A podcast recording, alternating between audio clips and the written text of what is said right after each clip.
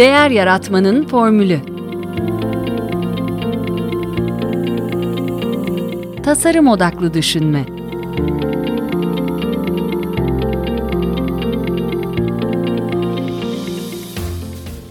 Merhaba, ben Mete Yurtsever. Değer Yaratmanın Formülü ve e, Derya Ortak yayınında yine beraberiz. E, bugünkü konum öğrenme tasarımcısı ve eğitmen e, Ömür Doğan. E, hoş geldiniz Ömür Hocam. E, hoş bulduk Mete Hocam. Selamlar herkese. Merhaba. Teşekkür ederiz e, katıldığınız için. E, yine bir adet olduğu üzere ben kısaca bir sizi tanıtayım. Sonra sizin eklemek istediğiniz varsa tabii ki söylersiniz. E, 2004 yılında e, Hacettepe Üniversitesi'nden Eğitim Fakültesi Fizik Bölümünden mezun oldunuz. Hı hı. E, yüksek lisansınızı Ankara Üniversitesi'nde eğitim sosyolojisinde yaptınız.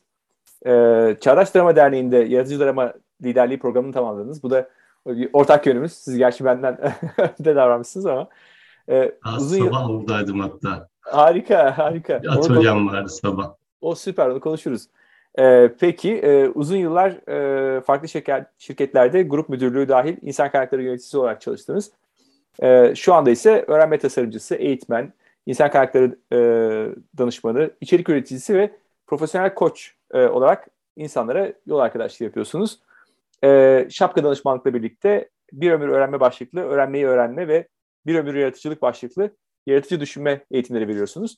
E, bunların dışında da kurumsal hayatta e, liderlik, e, gelişim, eğiticinin eğitimi, inovasyon, eleştirel düşünme, problem çözme, karar verme, iletişim ve takım çalışması gibi konularda eğitimler ve webinarlar tasarlayıp sunuyorsunuz.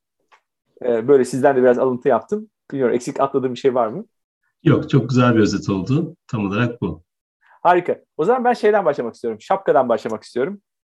Hı hı. Ee, şapka sizin şapkalarınızdan mı ileri geliyor? Çünkü sizin de yaratıcı dramadan tutun da işte eğitmenlik, danışmanlık, e, koçluk bir sürü şapkanız var. Yoksa Eduardo Bono'ya bir gönderme mi bu şapkalar? Aslında şöyle, yani şapkanın kuruluşunda bizim Müge Çevik e, şapkanın da kurucusu aynı zamanda. O hep böyle şöyle anlatıyor. Ben de onun anlattığı biçimde anlatayım. E, aslında e, Türkçe bir kelime olsun şirket adı kurarken en önemli şeylerden bir tanesi buymuş ve e, Türkçe olarak da şapka aslında e, hem modernliğin sembolü işte bir yandan bir yandan aslında e, pek çok şekillerde Türkçe'de kullanılabilen bir kavram. E, evet alt, de, Debono'nun altı şapkalı düşünmesini de çağrıştırıyor. İşte şapkayı önüne alıp düşünmek gibi bir deyimimiz de var. Türkçe'de çok güzel deyimlerle de e, karşılığı buluyor. Aynı zamanda biz yetkinliklere de, becerilere de çoğu zaman işte e, senin de söylediğin gibi şapka diyoruz. Hani işte e, bu da benim yeni bir şapkam ya da böyle bir şapkam da var diyoruz. E, dolayısıyla aslında böyle hepsini kapsayan Türkçe ve aynı zamanda da böyle biraz modernleşmeyi, biraz daha ilerlemeyi çağrıştıran bir şey olduğu için de e, öyle bir isim seçmiş. Ben de çok seviyorum şapka ismini bu arada e, ve keyifle kullanıyorum. E, öyle söyleyebilirim özetle. Şapka çok hoşmuş ya. Benim tahmin etmediğim anlamları da çıktı arkasından. Çok güzel. Böyle Süper. E, gerçekten e, güzel bir metafor bence de. Kesinlikle. E, peki o zaman e, bir yine ortak konumuz olduğunu bir, biraz önceki konuşmalarımızdan da e, şey yaptık, öğrendik. E, bir eğitmen olarak zaten hani bunu size sormasam olmaz bir şekilde diye düşünüyorum. E, bir e, sizinle de paylaştım. Bir geçenlerde çok güzel bir konuşma dinledim. E, Okan Bayülgen'in programında e, aldığımız kararlar kendi kontrolümüzde mi e, başlıklı bir konuda konuşuyorlar. Orada e, Profesör Doktor e, Türker Kılıç bir beyin cerrahı kendisi e, şunu söylüyor. Ondan bir alıntı yapacağım. Sonra da hemen sizin görüşünüzü alacağım orada. E, biz e, bütünü oluşturan parçaları inceleyerek bütün hakkında bir fikir sahibi olacağımızı düşünüyorduk e, diyor. Ama şunu anladık ki asıl olan parçalar değil, onların birbiri arasındaki ilişkisi yani yapı taşı atom değil enformasyon e, e, diyor. Ve şöyle bir cümle kuruyor. Bilim disiplinlerinin kültür oluşturucu bir etkisi vardır. 17. yüzyılda bu klasik fiziktir. 19. yüzyılın ortalarında gaz yapısının bulunmasıyla bu kimyadır. 20. yüzyılın başında bu teorik fiziktir. 20. yüzyılın e, ortalarında gen yapısının bulunmasıyla biyolojidir. Şu anda e, yaşadığımız e, dönemde e, nörobilim karmaşıklıktan basite, yapay zeka basitten karmaşığa birbirini tamamlayan iki yöntemle bu insanoğlunun belirsizlikle verdiği mücadelede e, gerçekten biz bir e, buzkıran gemiliği rolünü üstlenmiş vaziyette diyor ve e, sorulara cevap isteyen eğitim sisteminin uzmanlaşmaya getirdiğini, bugün sahip olduğumuz birçok yeniliğin bu sayede gerçekleştiğini söylüyor ama e, öte yandan da bu sistemin de tıkandığını e, bizim artık yaşadığımız problemlere yanıt veremediğini söylüyor. E, ihtiyacımız olan şey soru sormak yani merak diyor. E, ben siz fizik eğitimi almış olduğunuz için bir yandan bir yandan da e, eğitmenlik e, şapkanızla beraber e, burada nasıl değerlendirdiğinizi sormak istiyorum e, Kılıç Hoca'nın sözlerini. E, bunu bir şeyde şuradan da soruyorum aslında. E, son dönemde benim özellikle Derya oluşumuyla beraber mühendisler ve kimya ağırlıklı e, bir şeyimiz var, toplumumuz var burada.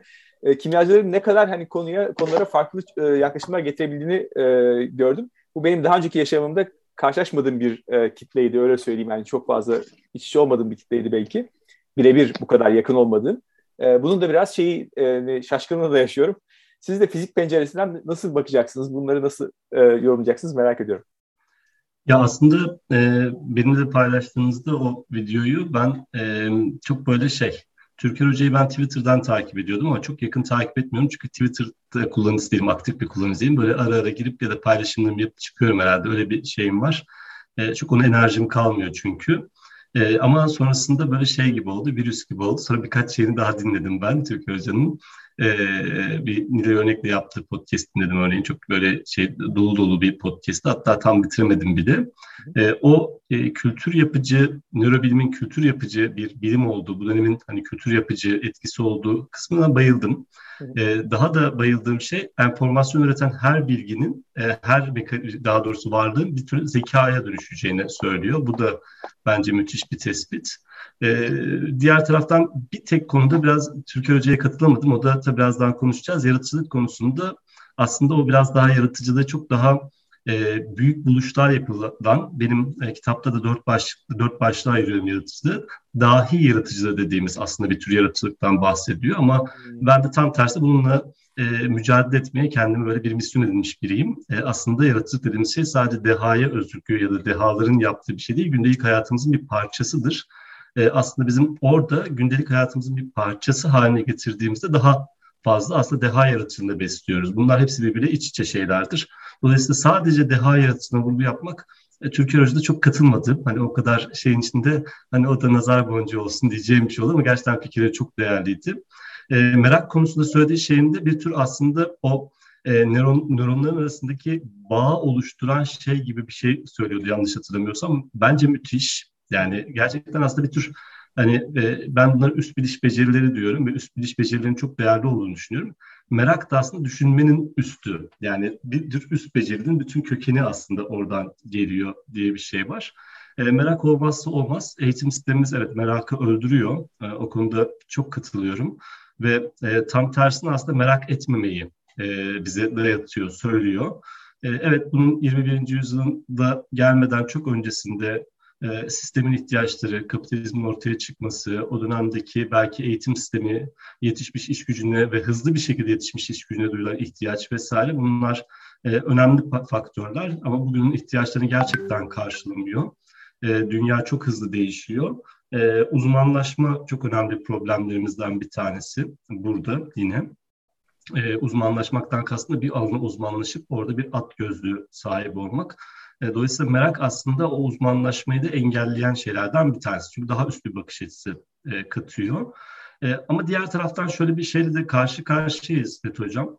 E, ben hep söylüyorum. Şimdi e, Ken Robinson onu çok güzel anlatıyor. Yani aslında eğitim sistemi ya da bizim yaşadığımız şey e, biraz e, nasıl söylenir? Aslında sosyalizasyon sürecinin de bir parçası. Yani bireyin aslında e, 6 yaşına kadar ailenin içerisinde yer alıyor birey e, çok enteresan da bir şey var o 6 yaşa kadar. E, insanın en az hatırladığı ama karakter üzerinde en çok etkiye sahip olan şey. E, hatta mi? 6 yaşına kadar hatırladığınız bütün anıların e, gerçek olmadığı ya da nasıl söylenir e, yaratılmış anılar olduğu söylenir. Dolayısıyla çok az şey hatırlıyorsunuz 6 yaşına kadar ama bütün hayatınız üzerinde belirleyici. Ama sonrasında sosyalizasyon süreci var. Okul başlıyor. E, biz orada şunu yapıyoruz yanlış bir şekilde. Bence eğitim sistemi bunu yapıyor o sosyalizasyon süreci yani bireyin toplumla kaynaşması o birey toplumun bir parçası haline gelmesi sürecini e, tasarlarken biraz tek tipleştiriyoruz. Yani sorun oradaki sosyalizasyonu değil. Yani yoksa toplum birey yani birey toplumla çok böyle e, doğru etkileşimleri kuramazsa ve onunla bir bağ e, yapamazsa çünkü insan sosyal bir varlık. Hayatta da kalamaz aynı zamanda. Dolayısıyla bence oradaki sıkıntı o sosyalizasyon süreci değil, o sosyalizasyon sürecinde yani toplumsallaşma sürecinde bireyin toplumla e, iş birine gitme, beraber olma, kolektivize olma sürecinde e, yaratıcılığı ve bazı düşünme becerilerini ve merakı e, feda ediyor olmamız. Yani bunu feda etmeden de yapabiliriz. E, iddiamızın bu olması e, ya da e, çabamızın bu olması lazım diyebilirim bu noktada Türk Hoca'nın e, konuşmasına atfen. Hı hı. Peki yaratıcılıktan e, feragat etme, şey yapmadan, yaratıcılığı e, dışarıda bırakmadan diyoruz. Yaratıcılık e, hepimizde doğuştan e, olan bir şey mi? Bir meleke mi? Yüzde yüz. Yüzde yüz. Yani bu konuda ben çok netim. Yani e, hatta şöyle söylüyorum, insanın e, böyle çok son dönemde çok duygusal dayanıklılık, duygusal zeka vesaire konuşuyor. Ben çok önemli olduğunu düşünüyorum elbette ama e, bunlar asla şunu reddetmiyor. İnsan e, böyle söylediğinde bazı arkadaşlar kızıyorlar bana. Ama insan binlerce yıldır e, yaşarken hatta on binlerce yıldır evrimsel sürecinde yaşarken e, öyle çok da duygusal olarak dayanıklılık gibi bir ihtiyacı pek de yokmuş aslında. Yani onu ayakta tutan şey e, duygusal dayanıklılığı değil, iki tane şeymiş. Bir tanesi fiziksel olarak sağlıklı olması, çok net. Yani ikincisi de e, düşünce üretebilmesi ve bu düşüncenin iki tane boyutu var. Öğrenme ve yaratıcılık. Hı hı. Aslında e, öğrenme yaratıcılık bizim doğuştan sahip olduğumuz ve insan olmamızı sağlayan ve yaşamda mücadelesinde, insanlığın yaşam mücadelesinde ayakta kalmamızı sağlayan iki temel beceri. Dolayısıyla doğuştan aslında. Bununla ilgili çok farklı çalışmalar da var. E, ben hep anlatıyorum bunu eğitimlerde. E, ve bu birçok şeyde gösteriyor. Çocuklar o sosyalizasyon sürecine girmeden önce e, bir dahi düzeyinde yaratıcılığa sahipler. Ama bu yavaş yavaş yetişkinlikte yüzde ikilere kadar düşüyor yüzde 98'ler. E, dolayısıyla aslında hepimizde sahip olduğumuz, doğuştan sahip olduğumuz e, bir meleke. Hani sizin tabirinizle söyleyeyim. E, bir meleke ve dolayısıyla e, bu bir özel bazı dahi insanların sahip olduğu bir yetenek, yetkinlik değil. İşte az önce Türker Hoca ile ayrıştığımı söylediğim şeydi tam burası. Aslında meleke olmanız da yani gündelik hayat içerisinde de bunu yapıyorsunuz aslında. Yani hayat içerisinde bile sürekli olarak yaratıcı fikirler üretiyorsunuz. Bu beyninizin doğal çalışma biçimi aslında, doğal çalışma e, sistemi. Dolayısıyla yaratıcılık doğuştan e, öğrenmeye de gerek yok. Sadece engelleri kaldırın diyorum ben. Öğrenilebilir diyorum hani böyle biraz daha anlaşılır olsun diye ama öğrenmek yerine engelleri kaldırın. ve o beyninizin nasıl çalıştığını e, belki tekrar hatırlayın. Hayal gücünüzü biraz serbest bırakın. Zaten yaratıcılık kendinden ortaya çıkacaktır. Hı hı. Sanıyorum biraz şey oluyor insanlarda yaratıcılık e, dendiği zaman e, bir dediğiniz gibi bir önce gözde biraz büyütme var. Yani e, bir de yani zaten her şey yapılmış.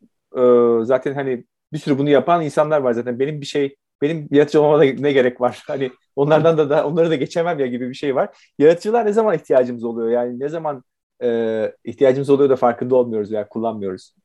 Orada önce hemen aklıma şey geliyor deyince bir tane karikatür vardı ya işte bir Türk şöyle söyler e, biri yaptıysa ben niye yapayım der. Bir Japon da biri yaptıysa ben de yapabilirim der. Bir kere aramızda böyle bir fark var. İkincisi e, Von Oeh diye bir isim var. E, Türkçe'ye çok eskiden kitaplar çevirmiş ama güncel baskıları bulunmuyor. E, çok değerli buluyorum onun kitaplarını bu arada. E, onun şöyle bir şey var. Size yaratıcılık konusunda bir iyi bir kötü haberim var diyor.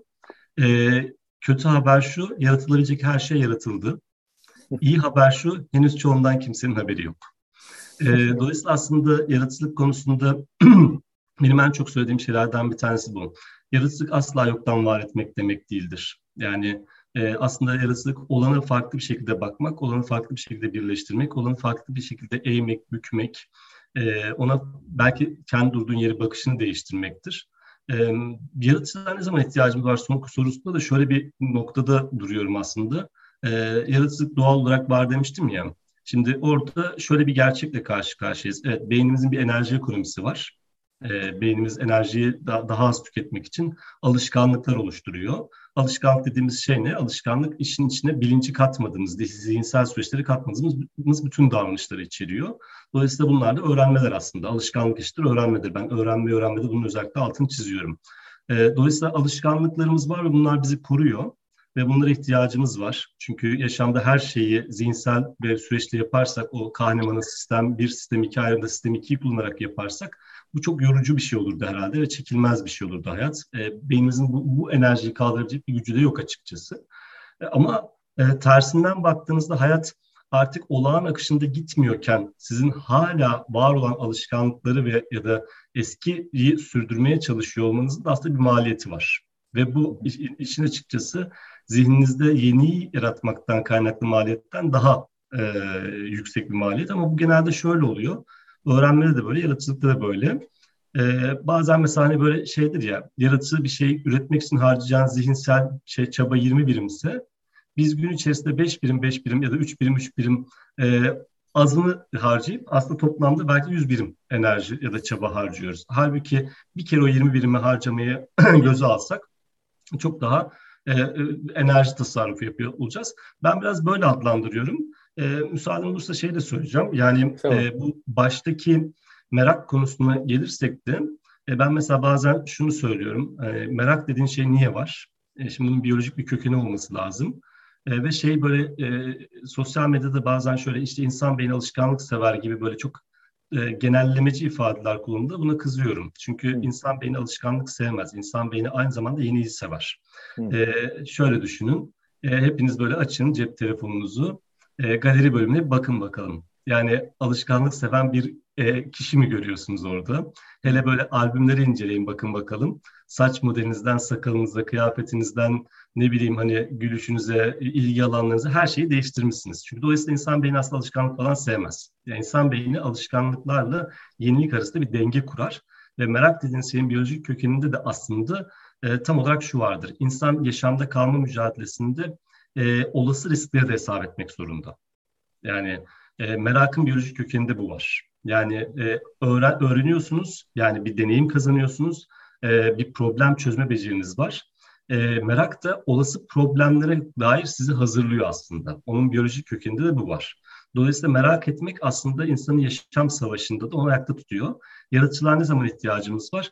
Aslında benim önerim şu, bu çok, çok böyle e, öyle anlatıldığı için söylesem benim değil ama Google modeli denen bir şey vardır ya hani günün %70'inde e, standart olarak hani var olan işini yaptı yüzde yirmisinde şey yaptı gibi. Ben de çok benzer bir belki analojiyle ona benzetebilirim. Şimdi aklıma geldi bu da. E, yani günün belki de yüzde yetmişinde evet hayatımızın yüzde sekseninde tam Pareto yasası. E, belki alışkanlıklarımıza davranabiliriz ama alışkanlıklar bir yer tıkanır ve bizi aslında ilerlemez.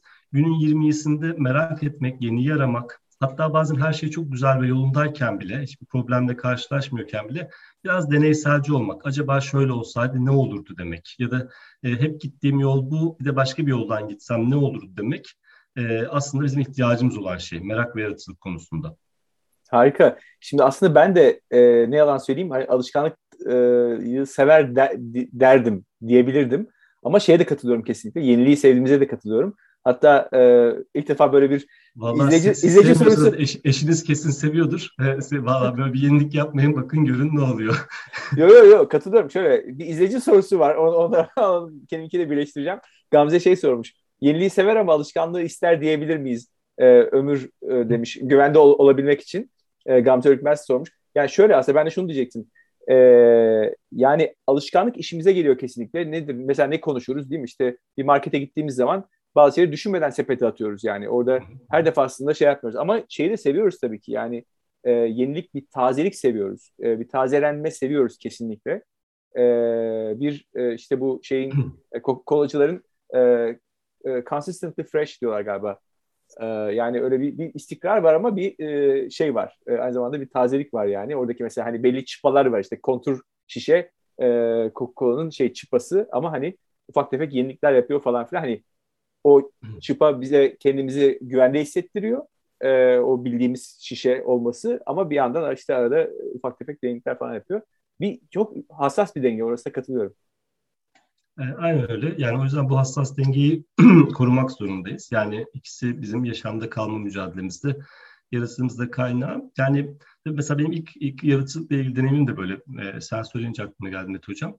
E, o da şu, mesela ben ilk e, üniversiteden mezun olduğumda bir yayın piyasasına girdim. E, ve yardımcılık ders kitapları hazırladım. E, o dönem patronla şöyle bir kavgam var.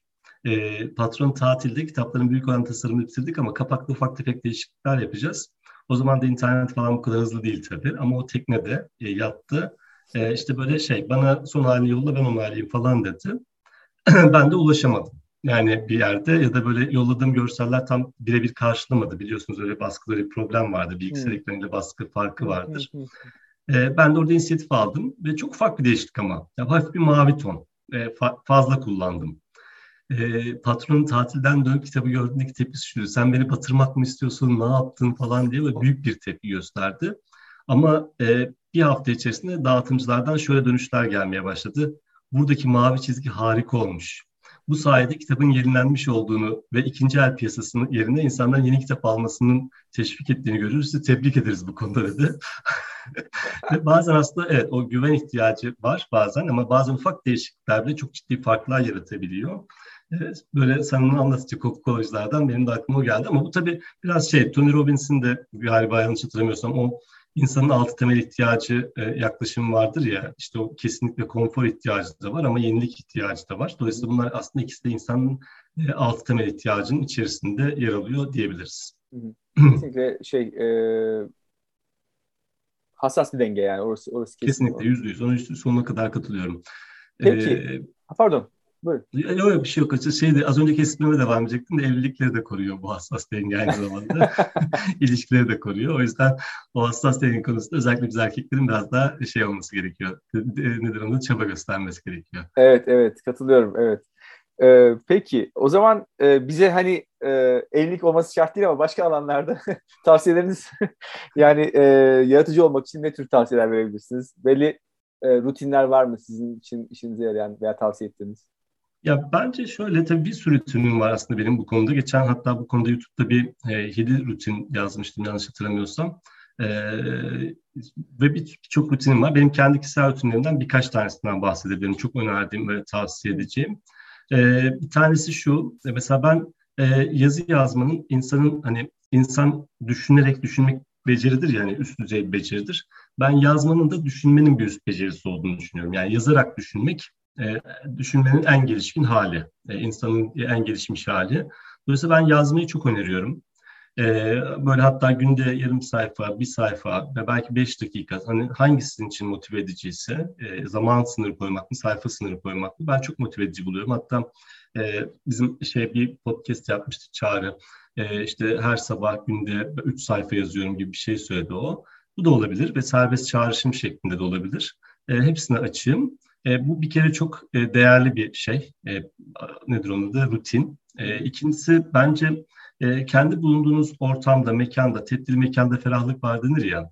Bazı ufak değişiklikler yapmak lazım. Ben gerçekten bunu çok sık yapıyorum. Benim masamda e, şu köşe e, böyle okuduğum kitap ve daha önce okuduğum kitaplardan birinden oluşur. E, bu benim hem içerik üretimimi besliyor hem de arada böyle kitabı açıp sayfaları altına böyle kenar not aldığım, pek alt çizim ama kenar not aldığım, belki altını çizdiğim, e, belki işaretlediğim yerlere bir yeniden göz atıyorum. E, hiçbir şey olmasa bile kapağın kendisi orada böyle kafamı çevirdiğimde böyle bende şey yaratıyor. Çünkü muhtemelen ben farkına varmasam da zihin o kitapta öğrendiği şeyleri hatırlıyor ve çağrışımlar yaratıyor. Ve o benim yaratıcılığımı çok körüklüyor. E, not almak ve hani kitap demişken ben zihin haritalarını çok önemsiyorum. E, ben hayatımın her anında zihin çok yaygın kullanıyorum. O da benim şapkada beraber çalıştığım üstadım dediğim Kemal İslamoğlu'nun e, çok çok şeydir. Hani o yaparken görmüştüm çok heyecanlanmıştım. E, daha önce bilirdim ama öyle bu kadar etkili kullanmaya hevesli değildim. Şimdi mesela odamın her tarafı şurası falan böyle kitaplardan e, yaptığım zihin haritalarıyla doldur. Bugün mesela işte Çağdaşlama Derneği'nde bir atölye tasarladım, oradaydım. E, onu tasarlarken zihin haritası kullanırım. Böyle her tarafta ufak tefek şeyler vardır. Müthiş yaratıcılığı arttırıyor. E, çünkü bütünsel düşünmenizi sağlıyor. E, bunu çok önemsiyorum. Bir de e, gündelik hayatta böyle ufak tefek değişiklikler yapmakta fayda var. Mesela hep gittiğiniz yolu değiştirmek. Bunlar çok önerilir ama bence çok e, yapmıyoruz. Bence yapmak lazım. Ben mesela e, benzin fiyatları hiç alakası yok. E, son dönemde arada toplu taşıma kullanıyorum. Yani e, müthiş bir yaratıcılığa etkisi olduğunu düşünüyorum. Yani aklıma bir şey geliyor orada da. Şeytanın Avukatı filminde şeytanın e, şeyi kullanması, metro kullanması. Metroyu çok seviyorum demesi. Belki hatırlayanlar vardır aranızda. Künris ve Al Pacino'nun oynadığı. E, dolayısıyla ben aslında orada biraz şey de yaratıyor. Gerçekten zihninizi çok tetikliyor. Toplu taşıma, oradaki insanların diyalogları, e, farklı insanlar duymak, dinlemek. Mesela ben şey fırsatını hiç kaçırmam. Bunu da bence gündelik rutinlerimiz haline getirmemiz lazım. Kızımı parka götürdüysem parkta bir sohbet olanağını, e, işte ne bileyim bakkaldaki, marketteki biriyle bir sohbet olanağını, arada birine çok rahat laf atarım. Yani işte çocuğuyla oynuyordur bir adam derim ki ya çok şey şöyle değil mi falan derim. Oradan bir sohbet başlatırım.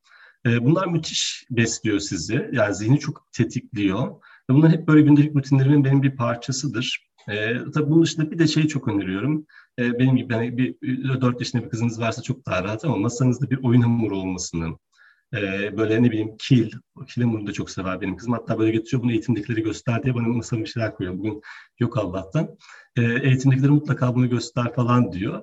E, öyle şeyleri çok seviyorum çünkü e, zihin somut şeyler üzerine daha yaratıcı fikirler üretebiliyor. Çok net. E, zaten e, e, sizin de yaptığınız design thinking'de e, özellikle bizim prototip aşaması dediğimiz aşama bu konuda zaten tam da bunu aslında e, söylüyor. E, zihin somut şeyler üzerine daha yaratıcı olabiliyor. Çünkü herkes aynı şeyi konuşuyor, aynı şeye bakıyor, e, aynı e, nesne üzerine düşünüyor ve e, biz mesela Legolarla fasilitasyon yapıyoruz. E, Legoları kullanarak, Series Play'i kullanarak. E, bu konuda da hani şey sertifikamız falan var. Hakkında eğitim falan aldık şapka olarak ve e, orada müthiş bir şey var. Orada şöyle bir tabir var. Ben çok seviyorum. Beyninize el verin diyor.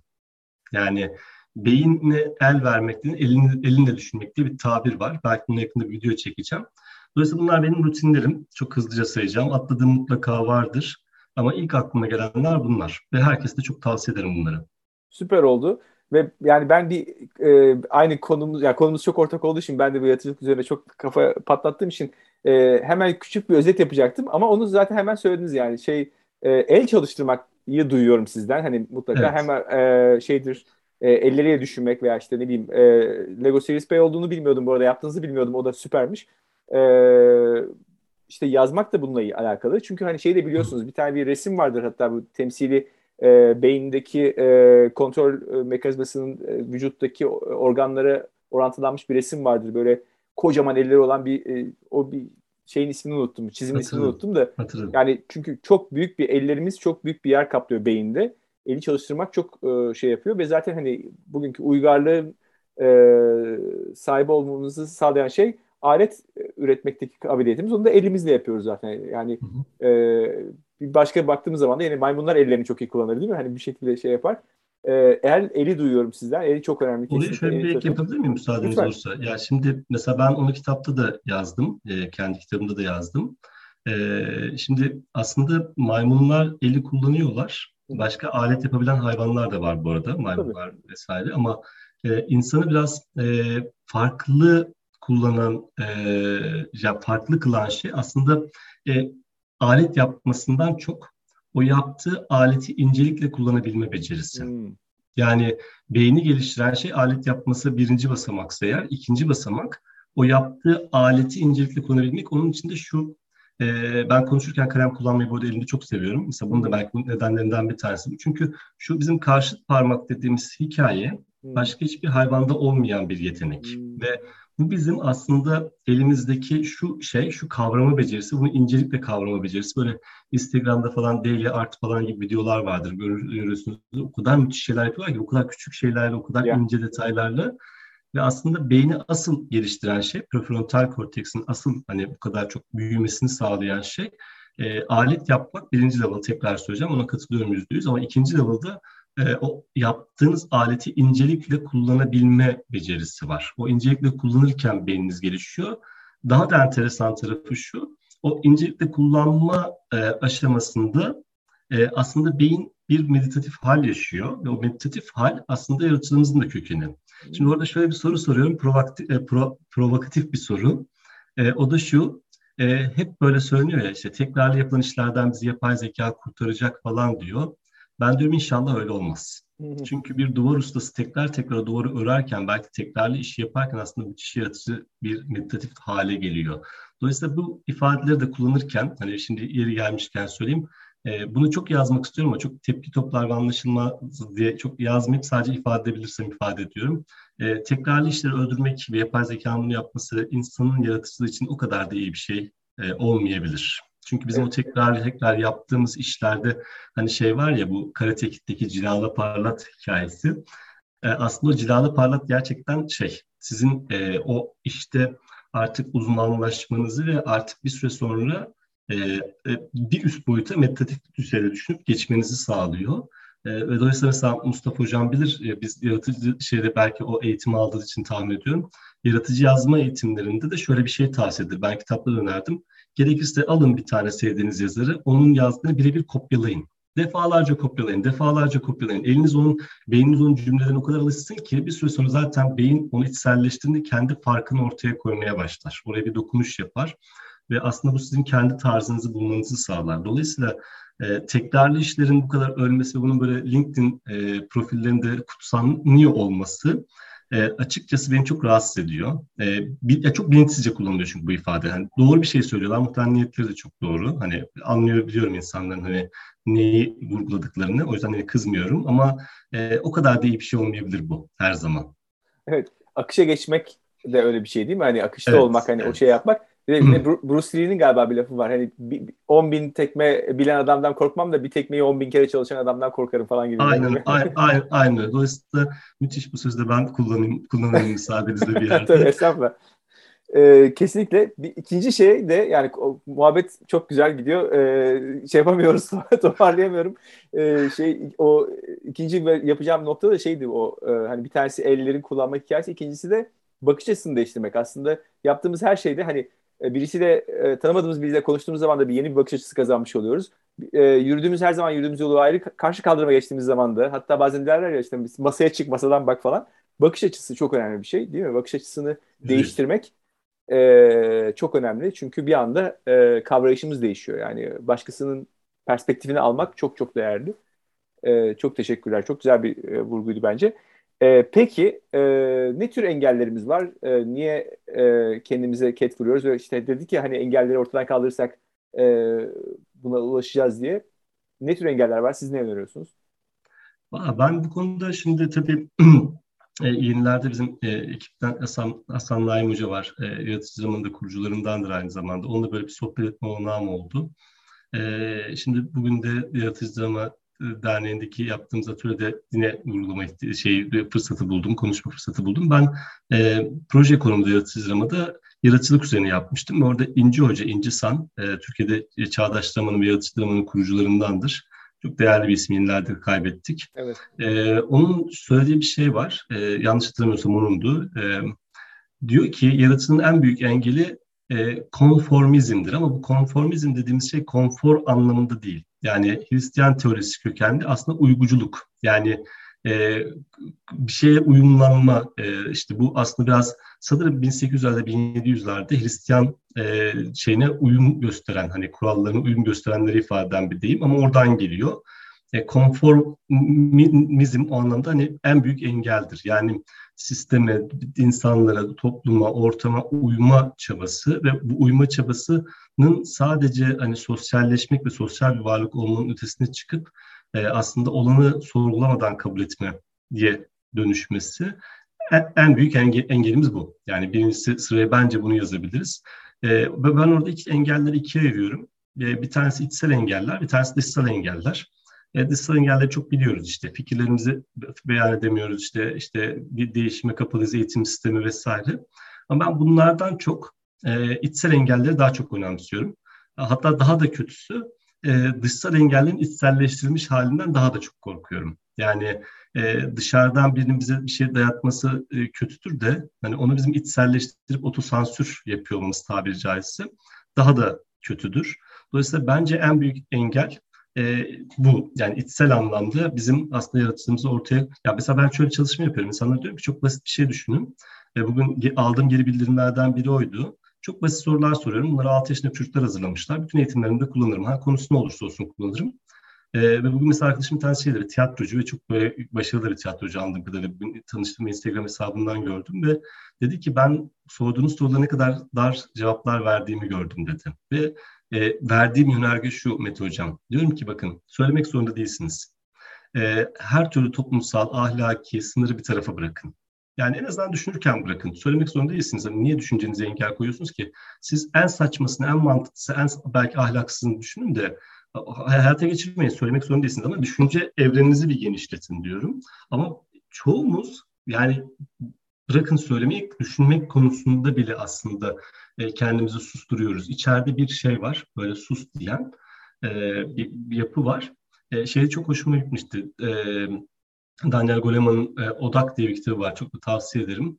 E, orada e, söylediği bir şey çok hoşuma gitmişti. İnsanın dikkatini dağıtan şey çoğu zaman dışsal değildir, içseldir diyor. İçinizdeki bendir diyor. Ben çok konuşur diyor. E, o beni susturamazsanız odaklanamazsınız diyor. Yani odaklanmak için ihtiyacınız olan şey dışarıdakileri susturmak değil, öncelikle içerideki beni susturmaktır diyor. Ben yaratıcılık içinde benzer bir şey söyleyebilirim. E, önce içsel engellerimizi durdurmamız ve düşünmek konusunda sınırsız bir şeyimizin olması lazım. E, çabamızın olması lazım.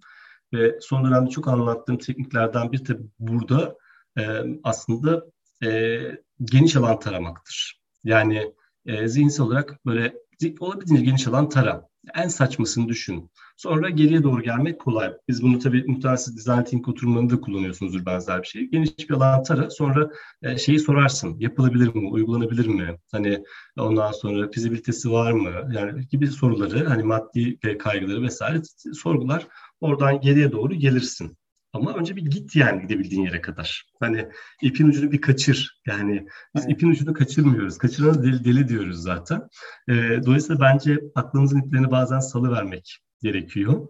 E, en büyük engel iki tane engel olarak bir bu uyguculuğu sayacağım. Dışsal olarak hani topluma uyma çabası. Bir de son olarak şunu çok önemsiyorum. Hani kurumsal dünyadan belki dinleyenler için de ve kurumsal hayat için söyleyeceğim. Fikir öldürmek.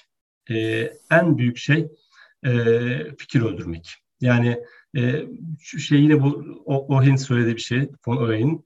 E, yani bir fikir kendi başına çok anlamsız olabilir ama o fikir başka fikirleri tetikler. E, başlangıçta çok saçma gelen bir fikre bir tane tekme vurursunuz. Öyle bir yere gider ki o fikir e, bir şut çekersiniz. Öyle bir noktaya götürür ki sizi siz başlangıçtaki fikri de anlayamazsınız. Dolayısıyla e, fikirleri öldürmek, öldürmemek daha doğrusu en büyük engelimiz nasıl söylenir? E, öldürüyorsak engel oluyor. Öldürürsek engeldir diyebiliriz. Dolayısıyla benim önerim e, fikirleri hiçbir zaman öldürmeyelim, e, yargılamayalım. Yargılamamak çok kötü. Hem içsel hem dışsal yargılamamak gerekir. Bu üç tanesini en temel engel olarak sayabilirim. Harika. Bu işte özellikle hani fikirleri e, tazeyken, yeniyken öldürmeyelim diyoruz ya hani evet, e, evet, en, en azından biraz serpilecek e, bir noktada ölebilir tabii ama hani sonuçta ilk baştan hani e, şey yapmamak hani hep söylediğimiz bu tasarım hakkında düşünmede bir çift elmas şekli vardır. Böyle işte e, ıraksak düşünme, yakınsak düşünme. Hani e, önce dediğiniz gibi açılalım, e, uçalım, kaçalım. Ondan sonra zaten hani toparlayacağız bir noktaya onu e, getireceğiz. E, o yüzden de hani hatamız genelde e, bizim yapmaya çalıştığımız şey yani büyüdükçe bunu öğrendiğimiz şey o eleştirel düşünmeyi aynı anda kullanmak. Eleştirel düşünmeyi ve o, o e, ıraksak düşünceyi aynı anda kullanmaya çalıştığımız için hemen daha fikir çıkmadan e, yok onu söylemeyeyim, yok bunu söylemeyeyim e, veya işte yaratıcı dramada mesela hani çoğu insan o doğaçlamadan korkar mesela. Doğaçlamadan şey yapar. Hani e, bir şekilde e, belli bir şeye e, sabit kalmak e, yani kendisini bırakamaz e, bir şekilde. E, bu biraz pratikle hakikaten kazanılması gereken e, bir şey diye düşünüyorum. E, ama kesinlikle hani e, yenilik için e, yeni bir yol bulmak için e, eskiyi bırakmak gerekiyor. Yani yoldan çıkmak gerekiyor kesinlikle. Yoldan çıkmak evet. Peki e, çok güzel sorular da var. E, o soruları sonuna sakladım. Ama şu e, kodu da ko kullanmadan edemeyeceğim. E, Elsa Bitri söylemiş. Demiş ki el dışarıya uzanan beyindir demişti bir hocam demiş. çok güzel bir sözmüş gerçekten. Evet. E, peki o zaman bizim e, podcastimizin imza sorusunu e, önce size sorayım. Sonra e, sorularla devam ederiz. E, Ömür Doğan'ın değer yaratma formülünü soracağım. Ee, Ömür Doğan değer, değer yaratma formülünü düşünürken aslında e, ben bu e, doğum günümde, Cuma günü benim doğum günümde 8 evet, Nisan. Evet, evet. E, orada e, hem LinkedIn paylaşımında yazdım ve gerçekten çok böyle şey e, iyi bir etkileşim aldı. Etkileşim aldığında çok sevindim. E, biraz doğum günüm kutlamalarında bu etkileşime faydası oldu elbette ama iyi ki o gün söylemişim diye düşünüyorum. E, sonrasında şeyde Instagram'da vesaire de paylaştım. Ee, ben şuna çok inanıyordum. Değer yaratmanın bence formülü bu. Yani bilmeye çok önem verdiğimi düşünüyorum. Yani arkamda bir kitaplığım var. Deli gibi okurum. 16-17 ee, yaşından beri her hafta bir kitap okumak gibi bir şeyim var. Bazen fazlası, bazen eksiği ama genelde bu ortalamayı tuttururum. E, gün içerisinde hatta böyle şey derim, beni bıraksan bir yere e, yanıma bir kitap koyuyorsam ben hiç sıkılmam. Sıra beklemek çok hoşuma gider. O ne güzel yeni bir şey okuma fırsatı falan derim. Öyle bir biriyim. E, ama şimdi bu yaşımda şunu fark ettim ve kendime söz verdim. Daha fazla denemelisin. Yani bence daha fazla deneyimlemelisin, daha fazla denemelisin, daha fazla bildiklerini üretmelisin, daha fazla uygulamalısın, daha fazla işe transfer etmelisin e, aslında. E, bence değer yaratmanın formülü de bu. E, çünkü bugüne kadar özellikle geçtiğimiz yıl bunu çok fazla yaptım ve çok faydasını gördüm. E, bence değer yaratmanın formülü bilgi aşamasından çıkmak. Çünkü e, bunu da e, şöyle söyledim çok büyük bir şeyle hatta böyle güzel de olur.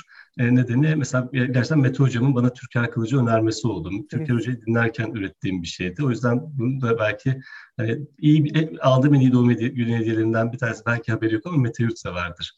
E, bana böyle bir hediyesi oldu sağ olsun. E, ve onu şöyle düşünüyorum, podcast'i yolda dinlerken Dedik ki biz biliyoruz ama bildiğin şey o kadar kısır bir şey ki aslında. Yani biliyorsun, e, tamam biliyorsun.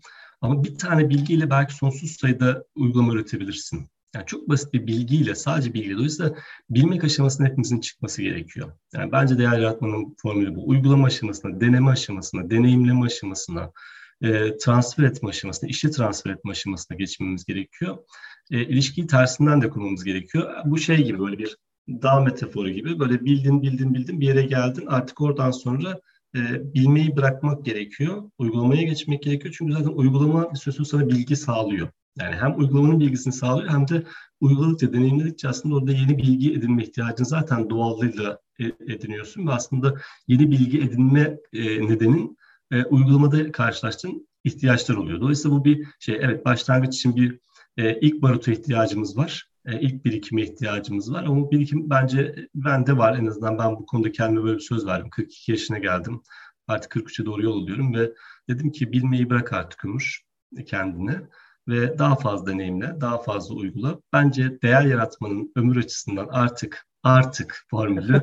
e, bu o yüzden e, her e, uygulama fırsatını değerlendirecek ömür doğumundan sonra. Üstelik uygularken uygulamak bilmeye engel değil, uygula, uygularken insan daha çok öğreniyor yeri daha geldiğinde. Çok öğreniyor, evet. E, kesinlikle e, bu da yani kaçınmamak gereken bir şey. E, ve mükemmel diye bir şey yok. Hani zaten bunu deneyerek e, şey yapacağız. E, kendimizi deneyimleyeceğiz, kendimizi geliştireceğiz. E, biz de yani deryalılar olarak da buna çok inanıyoruz diye düşünüyorum. Ee, Ömer bir şey daha söyleyebilir miyim hocam? Lütfen, Çok özür dilerim. Yani tabii orada Derya deyince ben şimdi mesela e, burada benim ortak birkaç arkadaşım da var hani şeyde ve e, hani böyle e, değer yaratmanın formülü kısmında ben kolektif zekaya çok inanıyorum. Yine burada Daniel Goleman'ın e, kitabında rastladığım bir ifadeydi. Sonra hatta e, Kocaeli Üniversitesi'nde çocuklar beni bir şeye çağırdılar gençler etkinliği. Onun da şeyi kolektif zekaydı. Çok hoşuma gitti teması. E, aslında kolektif zekaya çok inanıyorum ve hem yaratıcılığın hem de öğrenmenin en temel e, değer yaratmak anlamında söylüyorum. Şeyi bu, formülü bu. Dolayısıyla e, hani bunu da hani şey denir yani yüzün yüzüme diye söylemiyorum diye bir deyim vardır Türkçe'de. Hani böyle diye söylemiyorum ama bu tür toplulukları çok da kıskanıyorum da ben be, be, be, becerebileceğimi çok düşünmüyorum ama e, topluluk yönetimini ve bu tür toplulukları çok değerli buluyorum. E, o anlamda da gerçekten hani bu, bu derya gibi toplulukların e, aslında değer yaratmanın kendisinin formülü olduğunu e, düşünüyorum. Yani çünkü burada bir kolektif zeka var, burada bir kolektif bütün var, kolektif öğrenme var, kolektif yaratma var. E, uygulamak dışında belki doğum günüme ekliyor olacak olsaydım doğum günü sözlerime bir de bunu daha fazla kolektif e, çabanın içinde ol derdim kendime. E, Valla çok kıskanarak ve imrenerek de izliyorum ve kıskandığımda hiç söylemem, çekinmem söylerim. E, çok takdir, takdir ediyorum bu konudaki çabanızda. Çok, çok fazla ediyorum. çünkü tanıdık, tanıdığım arkadaşlarımda da çok böyle faydasınız olduğunu ve bu topluluğun aslında faydası olduğunu fiilen de deneyimliyorum. Onu da söylemeden geçmeyeyim. Harika. Çok çok teşekkür ederim. Yani hakikaten e, çok şey oldum. Hani mütehassis oldum. e, ama yani e, tabii ki benimle hiçbir alakası yok bunun. E, ben bile bu kadar topluluk işine e, inanmama rağmen beni her zaman şaşırtan şeyler oluyor. Yani e, ya evet bunu hakikaten böyle çözebiliriz. İşte hani e, kendi takıldığın bir şeyi mesela hani paylaşmayıp belki e, debelenip falan sonra bir noktada paylaştığım zaman onun çok daha rahat çözülebildiğini falan görüyorum. Hani hakikaten e, çok geliştirici buluyorum ben de. E, her zaman kapımız açık. E, peki e, nasıl ulaşsın e, ilgilenenler? Tabii ki yani zaten LinkedIn var, e, çok güzel e, şeyler var. E, E-Bülten var, ben de kaçırmıyorum. E, onun da üyesiyim. e, nasıl tavsiye ediyorsunuz? Nereden ulaşsınlar? Valla nereden ulaşırsınız, ulaşırsınız, ulaşın bulursunuz benim diyeceğim ama şimdi en pratiği tabii şu. E, yani benim e, blogumda her şeyi orada topluyorum. E, umarım o, onun başına bir hal gelmez. Ama LinkedIn paylaşımlarımı da işte e, ondan sonra podcastlerimi de ondan sonra e, YouTube, YouTube kanalı içeriklerimi de orada paylaşıyorum. E, en hani şeyi o yüzden en pratik olarak orayı veriyorum. Hani e, ömürdoğan.com'a girerseniz Orada benimle ilgili her şeye ulaşabilirsiniz. Ama tabii kişisel bir şey olarak hani podcastleri çok değerli buluyorum bu arada. Hani e, geleceğin e, ses şeyi. YouTube bile podcast işine girmiş duymuşsunuzdur belki. Evet evet. E, çok enteresan bir durum bence bu. E, dolayısıyla podcast geleceğin e, bence iletişim şeylerinden bir tanesi, beslenme kanallarından bir tanesi. E, ama benim iki şeyim yani blogum hani LinkedIn ve e, işte podcastlerim ve YouTube kanalım Bir Ömür. Hepsinin adı Bir Ömür'dür hı hı. benim için. E, nereden gelirseniz gelin başımın üzerinde yeriniz var. E, her türlü şey e, sohbete yapabileceğim, katkı koyabileceğim bir şey varsa sohbete açayım. Onu da söylemiş olayım. Her yerden ulaşabilirsiniz. Çok teşekkür ederiz tekrar. Bu podcast'te tasarım odaklı düşünme çerçevesinde hem yurt içinden hem yurt dışından kimi zaman davranış psikolojisi üzerine bir akademisyeni, kimi zaman bir tasarımcıyı, kimi zaman bir iş insanını, kimi zaman da değişim veya inovasyon üzerinde firmalara destek veren bir danışmanı ağırlıyorum. Amacım Türkiye'de bu konulara farkındalık oluşturmak. Buraya kadar dinlediğinize göre sizin de bu konulara ilgi duyduğunuzu anlıyorum. Sizden ricam güzel bir esnaf geleneğini devam ettirelim. Bu podcast'ten memnuniyetinizi arkadaşlarınıza, eleştiri ve önerilerinizi benimle paylaşmanızı istiyorum. Sanıyorum bunu en kolay LinkedIn üzerinden yapabilirsiniz. Beni ve Değer Yaratmanın Formülü sayfasını bağlantılarınıza eklerseniz çok memnun olurum. Desteğiniz için çok teşekkür ederim. Tekrar görüşünceye dek sağlıkla kalın, hoşçakalın.